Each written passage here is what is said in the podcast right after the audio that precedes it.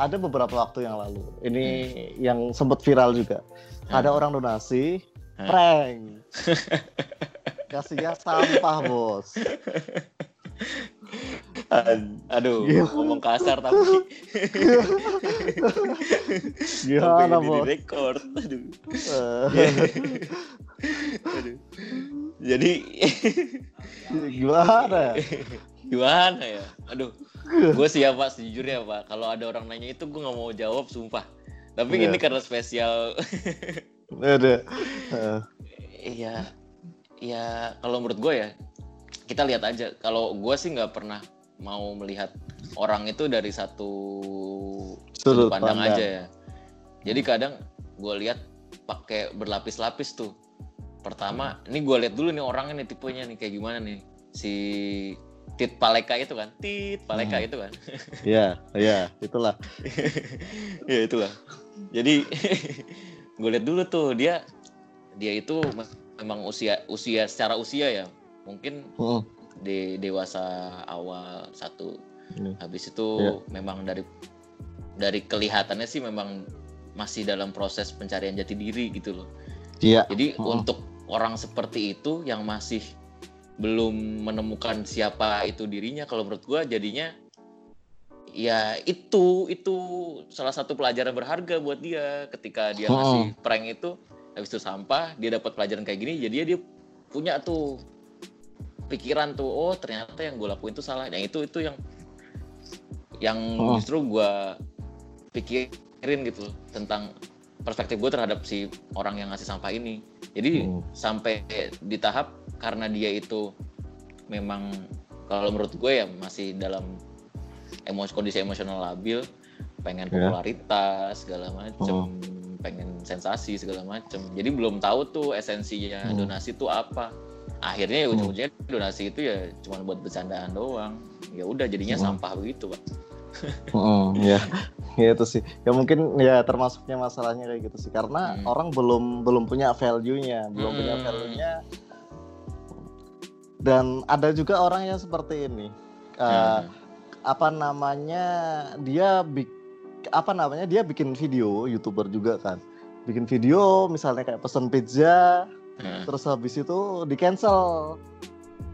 Nah, ada gitu ada jadi kayak dia dia pesen pizza nih uh, youtuber gitu kan pesan hmm. banyak nih hmm. pesan katakanlah 300 400 ribu hmm. tapi bayarnya cash otomatis ditalangin sama sama si ojolnya itu si kan drivernya kan wah, nah, wah iya, iya. nah terus habis itu di cancel kan hmm. bikin prank ceritanya nah di cancel kan di cancel maaf pak udah jadi segala macam kan sampai ojolnya itu nangis nangis dan maksudnya kayak hmm. uh, apa namanya emosionalnya keluar lah gitu kan.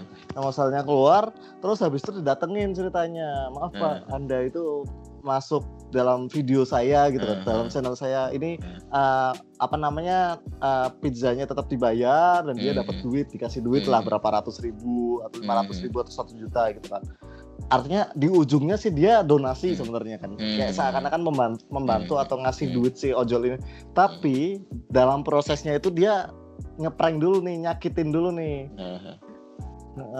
Dan ada beberapa yang ngereakan, ada ada yang yeah, ada yeah. youtuber yang reak juga kan bahwa ini apa namanya si youtuber kok menjual kesedihan seakan-akan yeah, gitu yeah, kan. Yeah, yeah, Tapi kesedihannya beneran nih dia dia ngerjain si ojolnya dulu sampai yeah, dia yeah, sedih, yeah. baru diituin gitu kan, baru dibantu segala macam. Lo yeah, yeah. belum pernah dengar cerita ini nih Tahu, tahu sih. Cuman nah, kayak nah. gue tuh nggak terlalu mendalami itu. Cuman yeah. kenapa gue gue tuh kadang suka ini ya orang-orang kayak gitu-gitu tuh kayak prank sampah, yang pizza hmm. itu. Iya tahu tahu, cuman sekedar tahu hmm. doang. Gue nggak mau cari tahu yeah. lebih dalam karena yeah. karena kayak ya Allah itu tuh apa hmm. yang mau dinikmatin. Lu tuh menikmati apa gitu loh ketika lu lu membuat orang lain itu seolah-olah merana gitu walaupun itu cuman konten bercandaan gitu ya atau prank. Iya. Lu tuh sebenarnya lagi menikmati apa gitu lu menikmati kesedihan hmm. orang, kesakitan orang tuh apa gimana? Jadi karena value-nya nggak nggak nangkep sama gue ya, jadi otomatis gue langsung kayak ya kayak nggak masuk di akal aja gitu loh pak. Ini orang-orang hmm. kayak gitu tuh. Yeah. Gue kalau bisa ya, kalau gue bisa ngomong sama orang gitu ya, lu tuh motivasinya apa gitu loh? mau lu tuh apa? Gitu lu tuh bahagia ngeliat orang kayak gitu nah kalau gue udah tahu jawabannya tuh apakah dia bahagia apa dia memang ternyata tapi kan kebanyakan orang-orang kayak gini bahagia ya iya justru karena pengen viewersnya naik segala macam jadi aduh rusak aja sih kalau udah rusak aja sih. ya kan Dari kayak sana. kemarin misalnya ada yang terakhir kan ada yang bullying itu loh bullying Ih, iya apa, sih gitu. apa namanya sih anak penjual jeletot itu loh Hmm, hmm. Ya, itu sama Iya. kan Maksud, Kena- kenapa itu ada yang salah sebenarnya dari dari cara mereka berpikir cara Hmm. mereka berlaku tuh ada yang salah gitu tapi sayangnya Hmm. ya ini sayangnya ya di di, Hmm. di, di kon- perkontenan kita ini kadang tuh orang Yeah. kayak gitu Yeah. justru di banyak dilihat itu yang Hmm. sayang banget sih dan Yeah. orang pengen ikutin gitu loh hmm. karena mungkin ya karena emang pendekatan yang paling gampang kan sebenarnya bercanda Hmm. di semua lini ya mau pendidikan Hmm. mau apa pendekatan bercanda tuh udah paling optimal. iya. cuman kalau Hmm. kata gua ya bercanda juga ada ini ya makanya kita tuh harusnya di, ada kurikulum tuh pendidikan tuh kurikulum Eh. bercanda ya jadi orang tuh tahu men sumpah Iya. ya ini tuh karena kita nggak Iya, pernah iya. dari SD SMP SMA mana ada yang ngajarin tentang bercanda ya kita dapat dari tongkrongan Iya, iya. iya iya kita dapat coba kalau itu diajarin gitu loh kalau menurut gua itu yang justru jadi value baru gitu di kita. Oh Iya. bercanda tuh ada ini ada ini ada ini. Kita mau pilih bercanda yang mana nih? Ada Iya. yang gini yang gini. Gitu. Ya karena Iya. kita nggak pernah diajarin ya jadi aduh. Ya berulang aja tuh perilaku kayak gitu. Ya ya tapi ini insight baru sih. Gue Hmm. baru kepikiran kalau Hmm. ternyata bercanda bisa aja ya kali apa namanya dimasukin jadi kurikulum ya. Iya bisa banget Ya, pak bisa bisa, bisa. Nah, soalnya Karena- yang gue Nah, yang gue amatin tuh gini misalnya kayak dulu pas zaman SMA segala macam hmm, kan ada juru apa ada pelajaran psikologi kan? Hmm. ah, ah, sosiologi sosiologi ya lebih sosiologi ya. Ya Nah, sosiologi. Sos- so- sosiologi itu dia bahasnya teoritis banget pak. Bahasanya menarik sebenarnya. Hmm, hmm, Nah, tapi dia story teoritis banget di mana hmm. orang jarang banget nih dia hatam sosiologi tapi dia bersosial secara baik kalau menurut gue. nah betul betul betul. Nah, setuju gua nah, nah artinya apa? Kayaknya mungkin ada ada yang ada yang masalah nih. Harusnya sosiologi itu digemas jangan terlalu teoritis. Ah, Oke lah pengantar teori segala macam, tapi sesuatu yang lebih aplikatif mungkin bisa dibagi dalam beberapa ma- mata pelajaran kali atau Iya. apa kayak gitu. Iya bener banget, gue gue setuju banget karena sosiologi eh zaman gue SMA sosiologi itu melihat patologi sosial pak. Terus Hmm. gue disuruh muterin dulu gue SMA di Karawang. ya. Iya. Ingat banget gue itu kelas 1 gue IPA kan. Hmm. Jadi sosiologi cuma dapat kelas 1 doang tuh, kelas 10 ya berarti ya, kelas 10 Hmm, tuh. iya. Hmm. Itu disuruh muter-muter ya keliling Karawang cari patologi sosial. Itu gue ngerekam apa coba? Gue ngerekam orang-orang rokok, orang-orang pacaran. Gitu kayak yang sampai sekarang mungkin kebanyakan orang kayak gitu kita nggak tahu gitu faedahnya apa kita melihat Yeah. sebagai patologi sosial tapi ujung-ujungnya ya kita eh, juga di masa yang akan datang melakukan itu juga gitu jadi Hmm. nggak nggak clear gitu loh kalau menurut gue Gak nyampe gitu. nggak nyampe kenapa nggak yang hal-hal praktis gitu kayak kehidupan sosial sehari-hari kita Hmm. interaksi sama orang itu kan justru lebih masuk ya kalau menurut gue ya jadi orang tuh benar-benar Iya. dapat ilmunya gitu loh Hmm. Ya ya ya itu itu menarik banget sih. Ini gue baru kepikiran jujur banget. Gue Hmm. baru kepikiran bahwa ternyata uh, mata pelajaran sosiologi itu Hmm. nggak nyampe gitu loh. Maksudnya value-nya nggak nyampe ke siswa-siswi itu dan Iya. bahkan bisa aja itu diajarkan lebih dini lagi gitu loh dari Hmm. SMP kayak atau apa tapi Iya. kajiannya mungkin pengantarnya teoritis tapi teorinya praktis gitu loh. Iya, iya.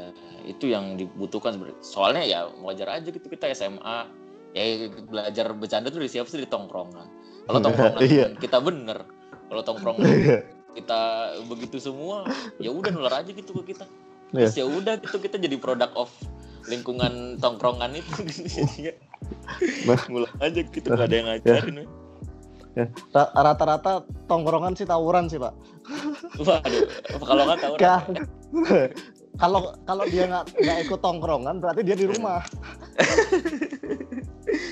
kalau di gua tuh dulu tongkrongan macam tuh ada tongkrongan pengkolan tuh hmm. ada di warung iya.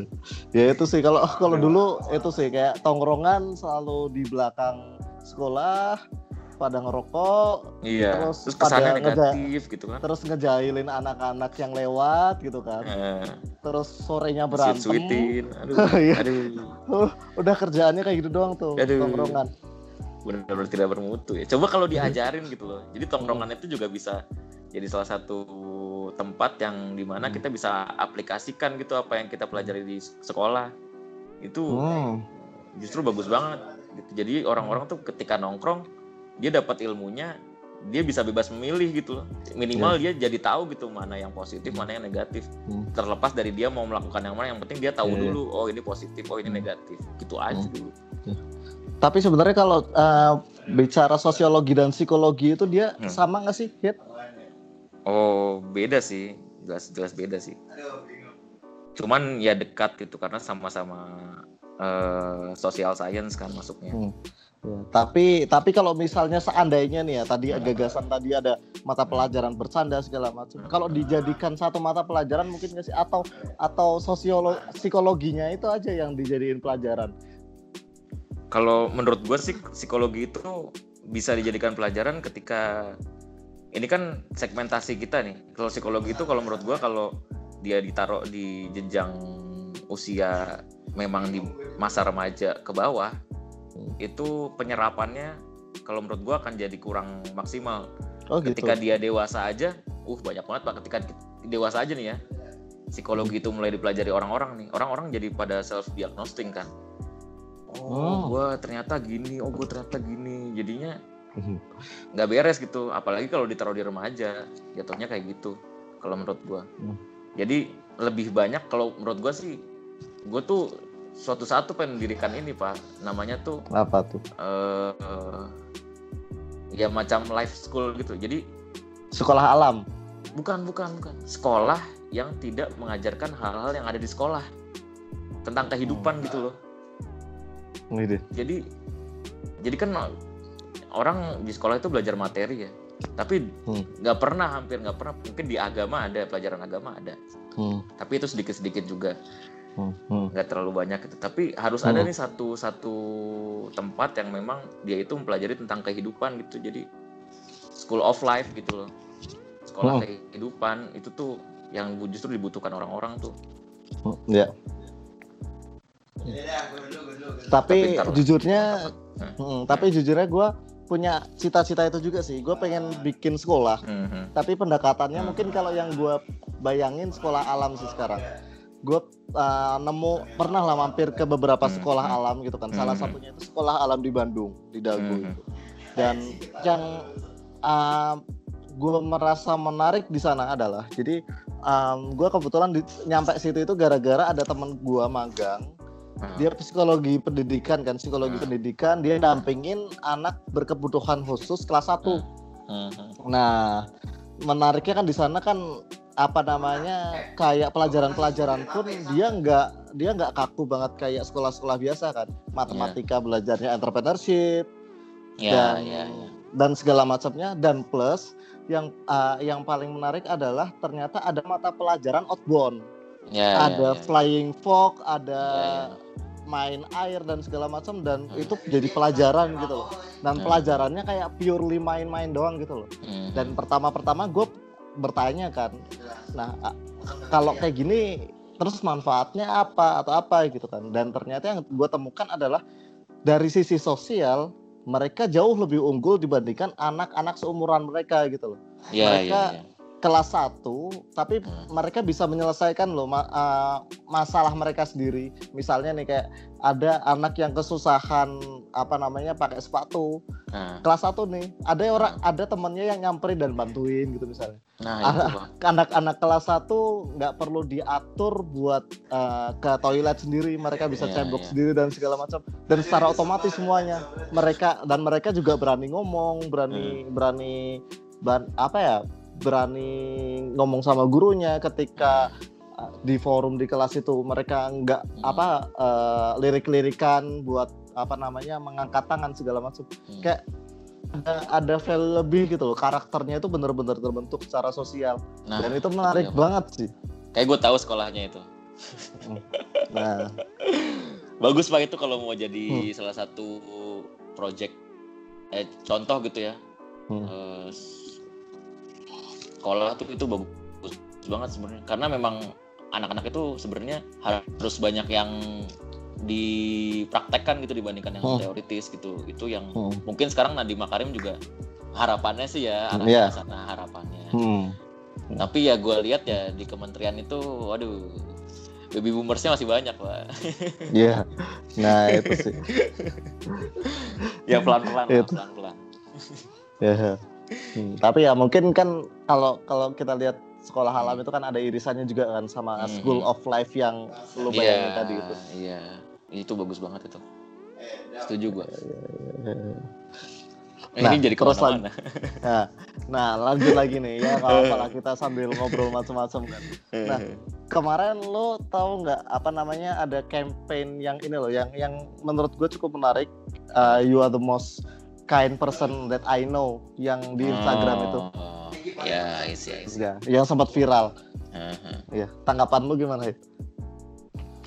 sebenarnya sih gue awalnya mengiranya itu bukan awalnya jadi first impression gue terhadap Hmm. gerakan itu oh, bagus nih karena kita spread positif Hmm.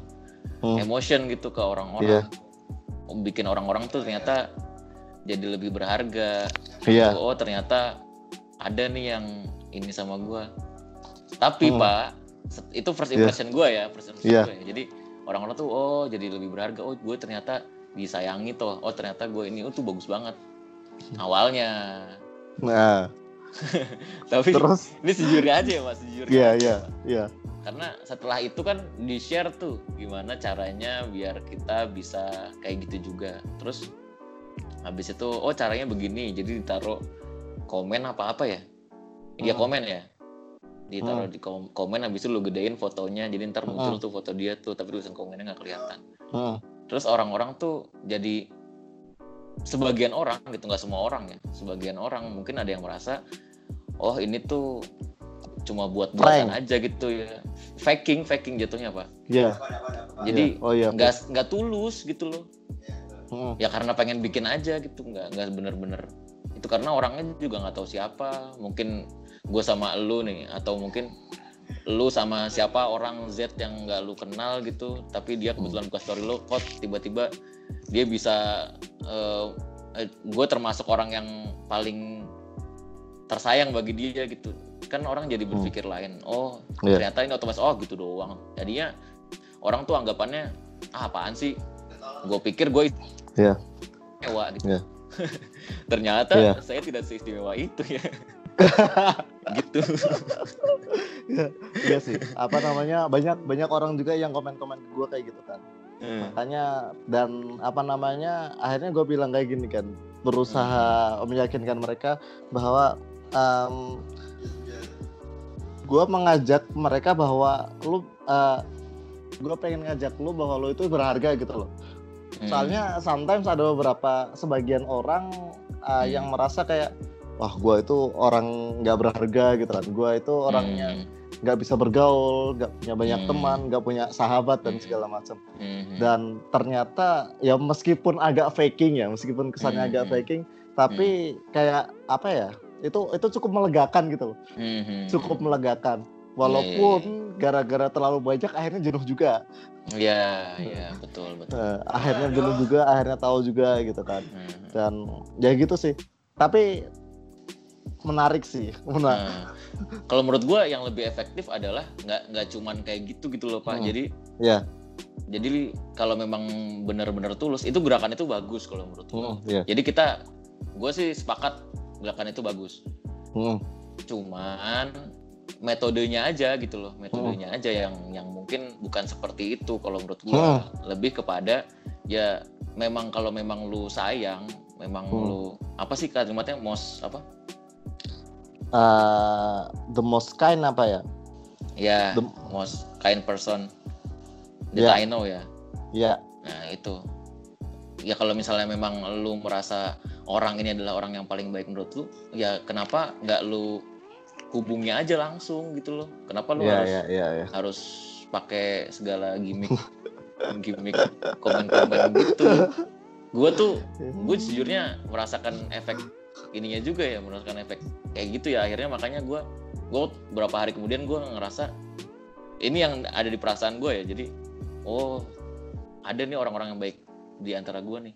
Dan orang-orang baik itu ya gue flashback gitu oh ini orang-orang yang ngebantu gue nih empat tahun lalu misalnya selama gue di BEM akhirnya gue adain Hmm. tuh namanya reuni jadi ya gitu gue langsung langsung bikin aja gitu loh kalau memang orang lu merasa orang-orang itu baik ya gua kumpulin akhirnya semua tuh gue mentionin satu-satu gue DM-in habis itu yuk kita join yuk satu malam kita ya alhamdulillah effortnya banyak banget dan sampai pusing gitu ngezoom puluhan orang man. Iya. Nggak semua.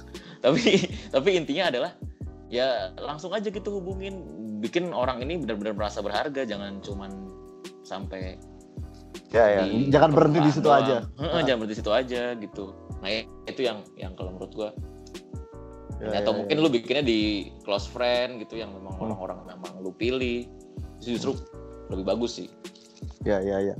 Menarik, menarik. Nah, Eh, dan dan akhirnya kan eh, apa ya eh, metode bersosial seperti itu jadi sebuah tren baru di apa di zaman sekarang ini gara-gara ada pandemi. iya iya, Ya, iya. Tadi dengan cara yang seperti tadi akhirnya ngezoom dan segala macam gitu kan. Hmm, Em, kalau menurut lu nih, kalau menurut lu ketika nanti suatu saat meskipun kita nggak ada yang tahu kan pandemi ini ter- berakhir kapan, hmm, hmm.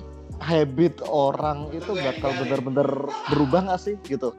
Apakah the new normal ini bakal apa bakal cuman masa-masa ini aja dan eh, nanti orang balik lagi seperti semula? Eh, atau atau gimana nanti? Eh, apa pandangan lu di masa depan kira-kira gimana? Eh.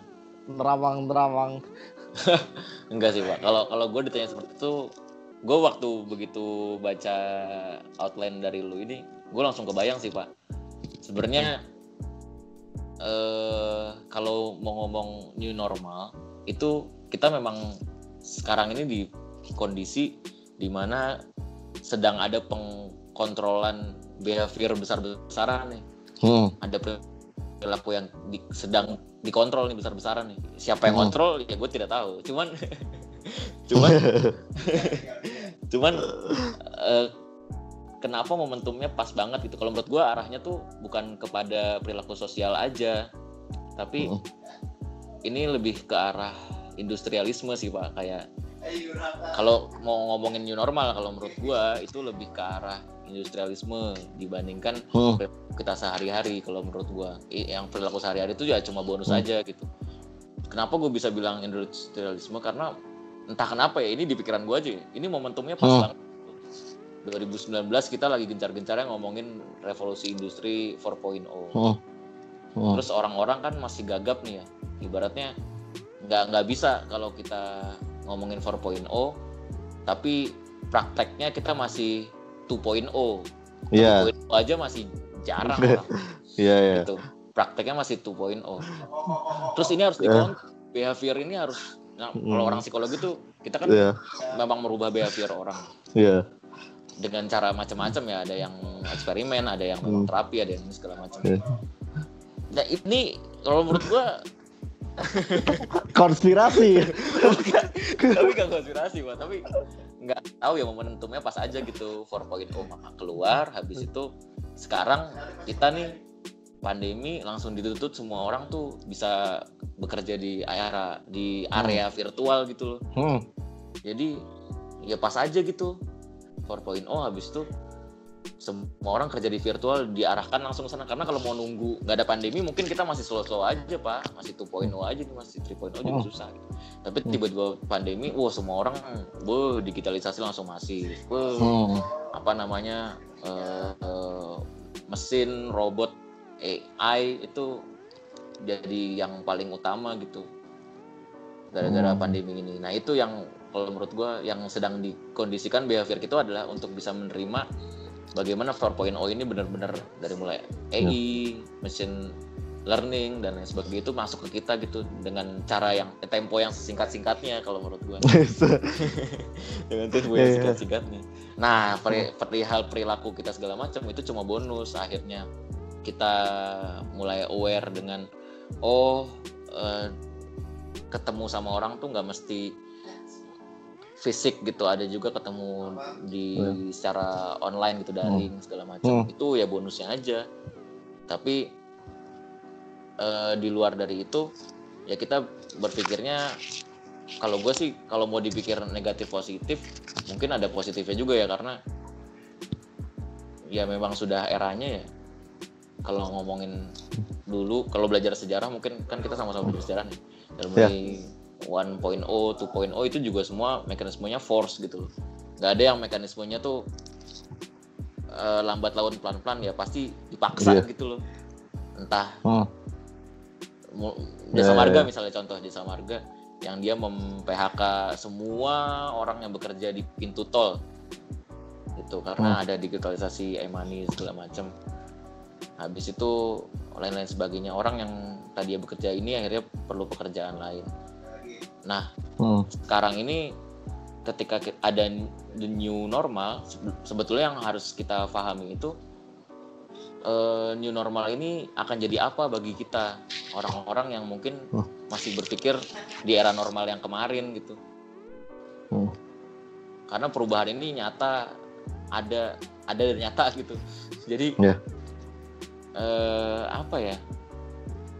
Gimana ya Pak? Kalau kalau ngomongin new normal, intinya sih preparation dan adaptation gitu loh.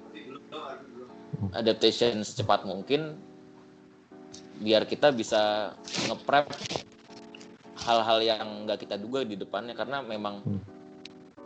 kalau kita mau menyalahkan new normal nggak mungkin juga karena sudah terjadi hmm. tapi yang kita bisa adalah kita adaptasi aja nih dengan dengan new normal new normal kampret nih jadi jadi ya ikutin alurnya aja gitu. Ketika itu memang positif ya udah. Tapi ketika negatif ya lu jangan segan untuk kritis. Nah ini yang menurut gue new normal itu paling bagus ketika lu jadi orang yang kritis. Kalau hmm. lu stop jadi orang yang tidak kritis apatis dan segala macam ya new normal itu akan akan apa ya akan mengikis lu gitu loh. Ntar lu lama-lama akan punah sendiri sama new normal ini hmm. entah punah karena corona atau punah karena lu gaptek sendiri gitu dan lain iya. sebagainya tapi ya kita yeah, benar-benar dipaksa untuk ngimbangin ini ada controlling behavior yang hmm. sangat besar gitu masif dan besar yeah. jadi kita hmm. mau nggak mau ya harus ngikut juga pak itu sih kalau ya itu sih nah, ya emang sih kalau emang dilihat dari apa namanya dari industri emang masif banget kan semuanya hmm. akhirnya force buat ke digital gitu kan. Termasuk kayak hmm. uh, orang-orang event buat uh, gimana caranya bikin event digital kan. Karena iya. mereka orang-orang penyelenggara event nggak nggak bisa ngadain acara bos. Mau hmm. konser pun bingung dan segala hmm. macam gitu kan.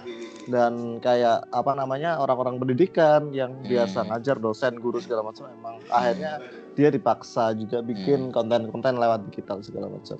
Tapi yang masih gua jadi pikiran adalah kan kita nih orang-orang yang apa namanya harus bersosial gitu kan harus bersosial um, mungkin bisa pakai zoom segala macam hmm. tapi kalau misalnya udah dilepas nih ya pandemi udah nggak ada atau hmm. psbb udah nggak ada atau segala hmm. macam kayaknya orang orang-orang juga ujung-ujungnya bakal nongkrong lagi gitu loh yang gue pikirin yeah, yeah. ketika jadi uh, zoom ini bakal cuman jadi alternatif doang yang ya nggak sih kalau yang gue yeah, pikirin yeah. gitu ya kalau dari yeah, yeah, sudut paham. pandang uh, psikologi sosial gimana? Lo kan mendalami hal-hal kajian semacam ini. Iya iya. Jadi eh gue setuju banget sih. Orang tuh nggak nggak bisa selamanya hidup di era di area virtual ya maksud gue. Hmm. Nggak bisa selamanya hidup di area virtual. Karena kita itu butuh gitu. Kita butuh attachment. Kita hmm. butuh kedekatan. Nongkrong itu sebuah keperluan ya.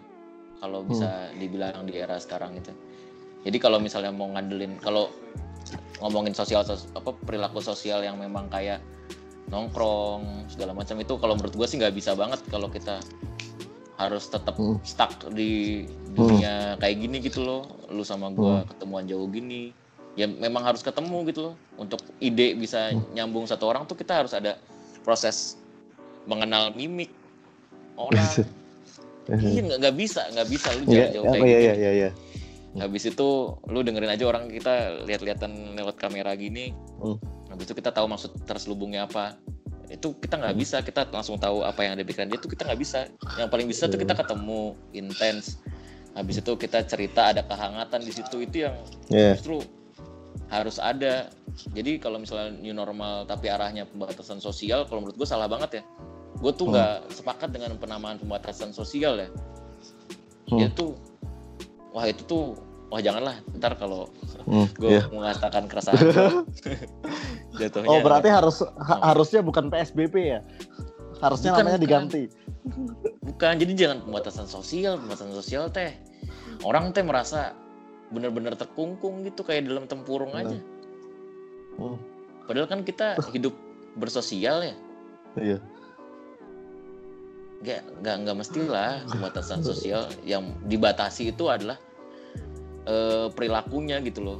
Perilaku kita yang biasa misalnya bukan pembatasan perilaku ya tapi pengeku pengedukasian perilaku gitu loh. Jadi yang sebelumnya kita misalnya masuk stasiun itu ya masuk aja asal tap mungkin sekarang kita masing-masing siapin hand sanitizer segala macem. Oh. Untuk bisa bersih-bersih dulu setelah masuk tapping stasiun kita masuk stasiun kita juga jaga jarak segala macam itu yang justru harus dikampanyekan hmm. gitu bukan yeah. bukan jadi sosial terbatas tapi hmm. ada edukasinya gitu loh Nah ini fungsi hmm. edukasi ini yang masih kalau menurut gue belum sampai sih. Oh iya iya iya. Orang-orang gitu. Karena orang-orang masih berpikirnya ya praktis aja gitu. Orang Indonesia kan sukanya praktis-praktis ya. Iya. Ngapain gue cuci yeah. tangan segala macam, gue makan segala macam. Wah itu kayak video. Iya iya iya iya iya iya. Berarti harusnya namanya P3 P3B2 ya. Apa tuh? Pembatasan perilaku sosial berskala besar. Enggak, kalau menurut gua nggak ada pembatasan, nggak ada karantina wilayah. Uh, Tapi lebih kepada uh, pengorganisasian massa gitu loh. Jadi kita bener-bener ada program edukasi yang misalnya dari Kemenkes. Habis itu Kemenkes kan pasti punya bawahan kan.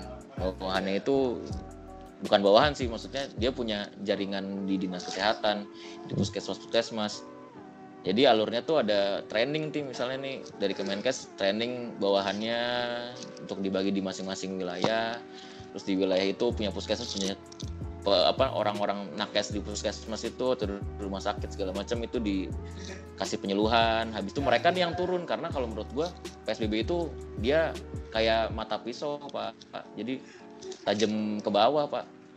Hmm. gimana?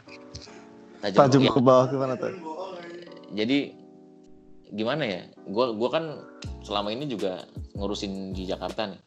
Hmm.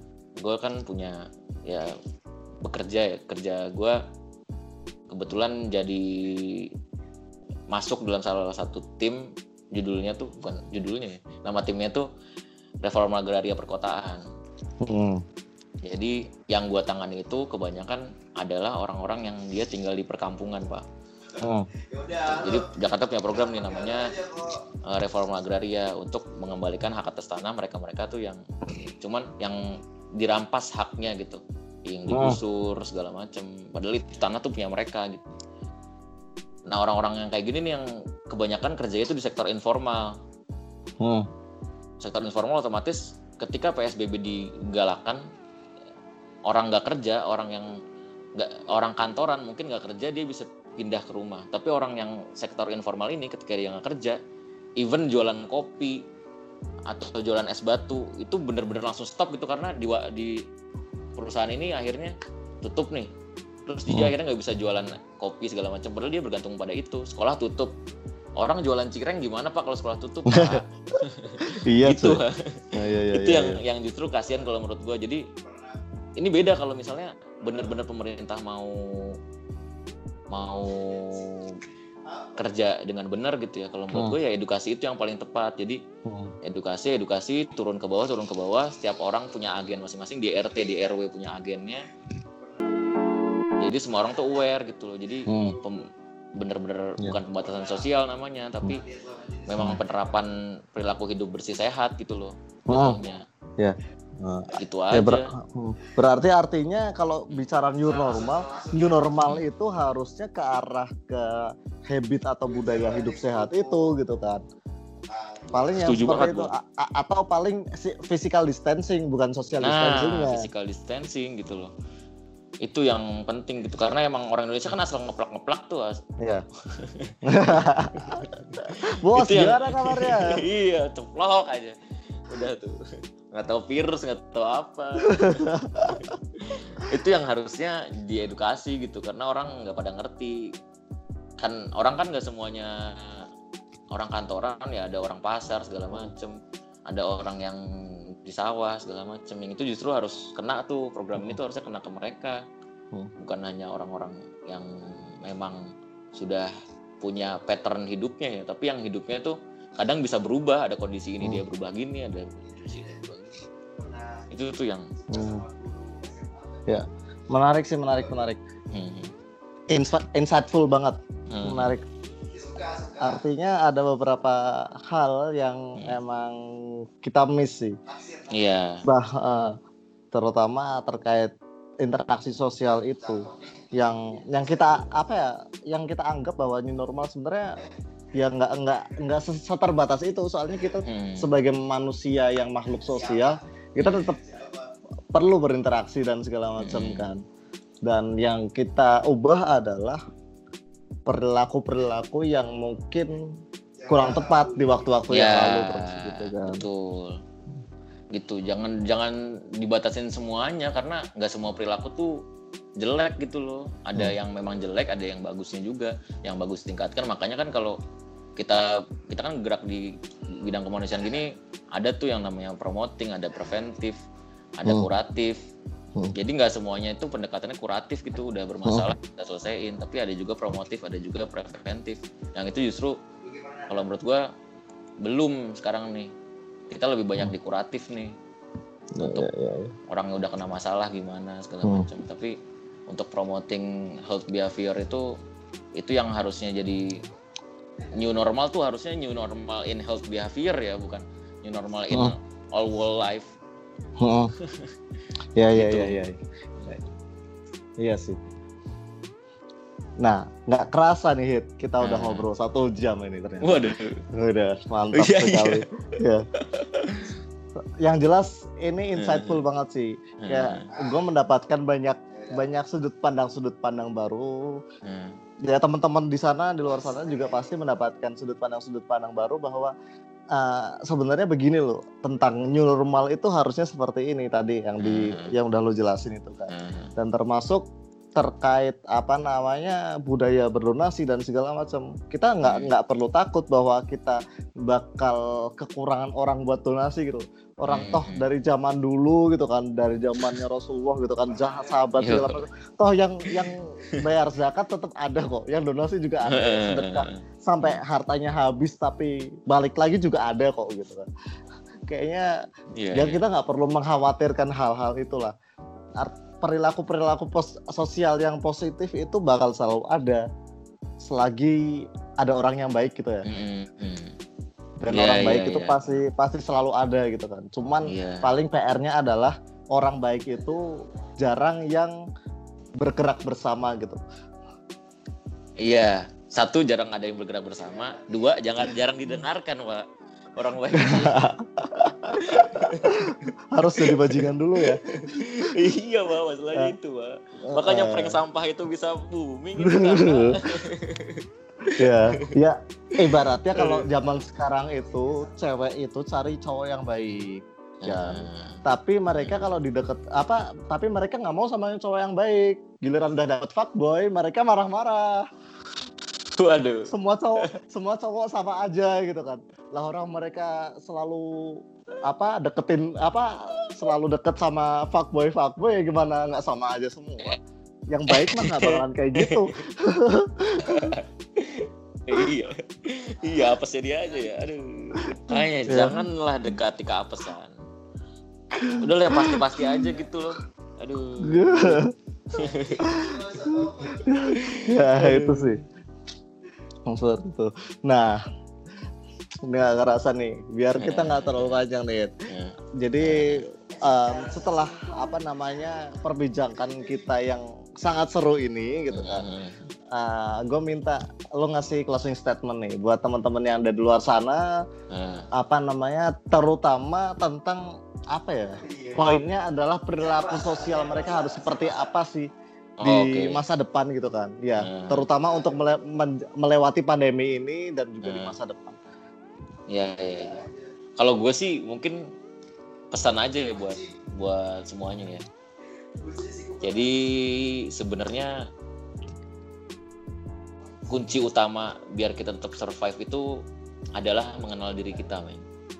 Hmm. Jadi kita nggak pernah nggak gua ya sebagai orang yang memang bekerja di ranah psikologi gitu nggak bisa orang itu disamakan emang gue tuh menganut bener-bener yang namanya tuh eh, human differences gitu bahwa setiap manusia tuh unik oleh karena itu Hmm. yang paling kenal diri kita itu ya kita sendiri Hmm.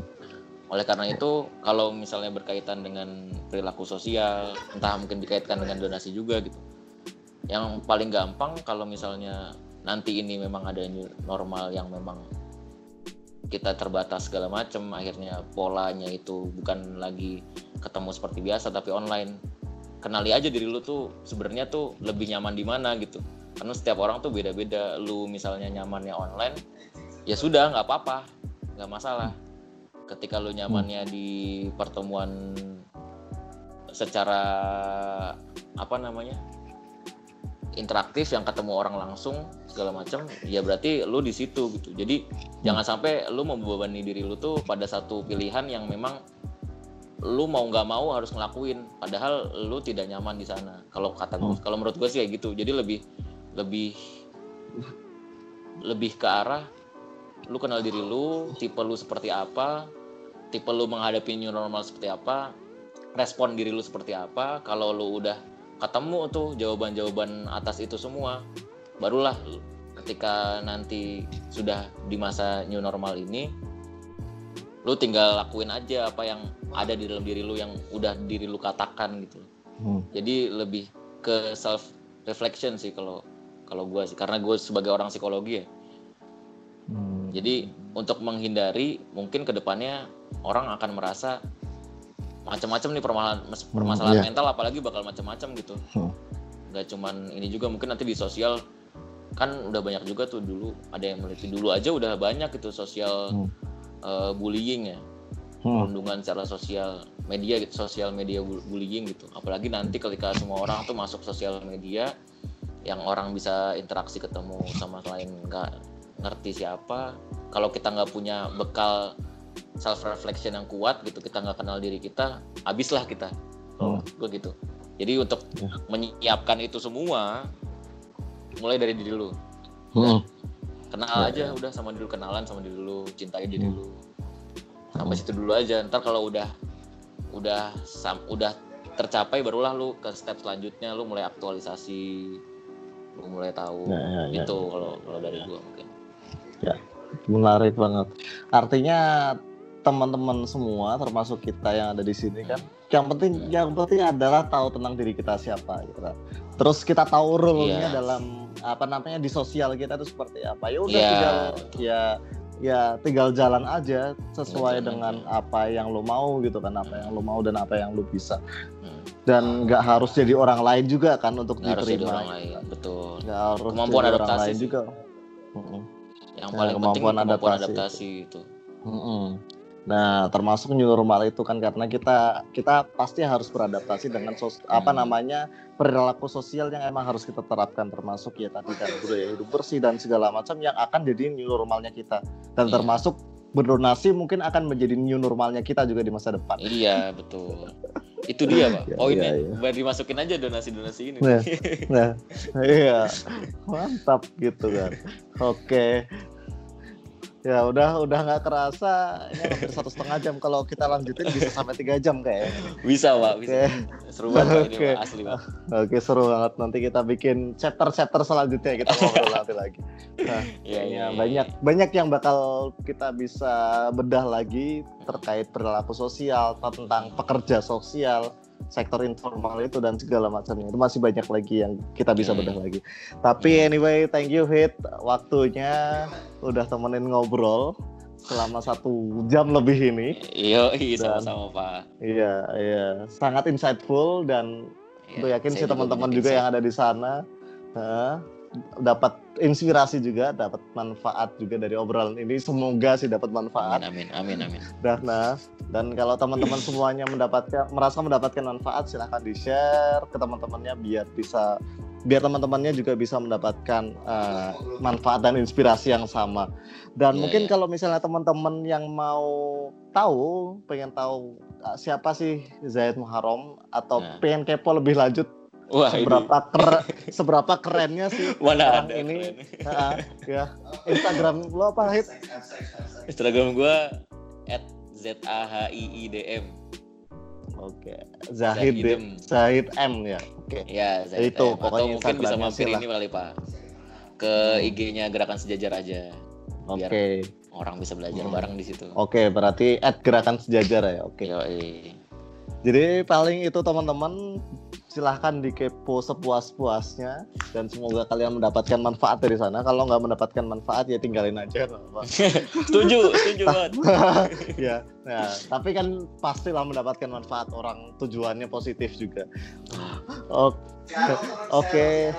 Uh, thank you teman-teman. Terima kasih atas waktunya dan sampai jumpa di lain waktu.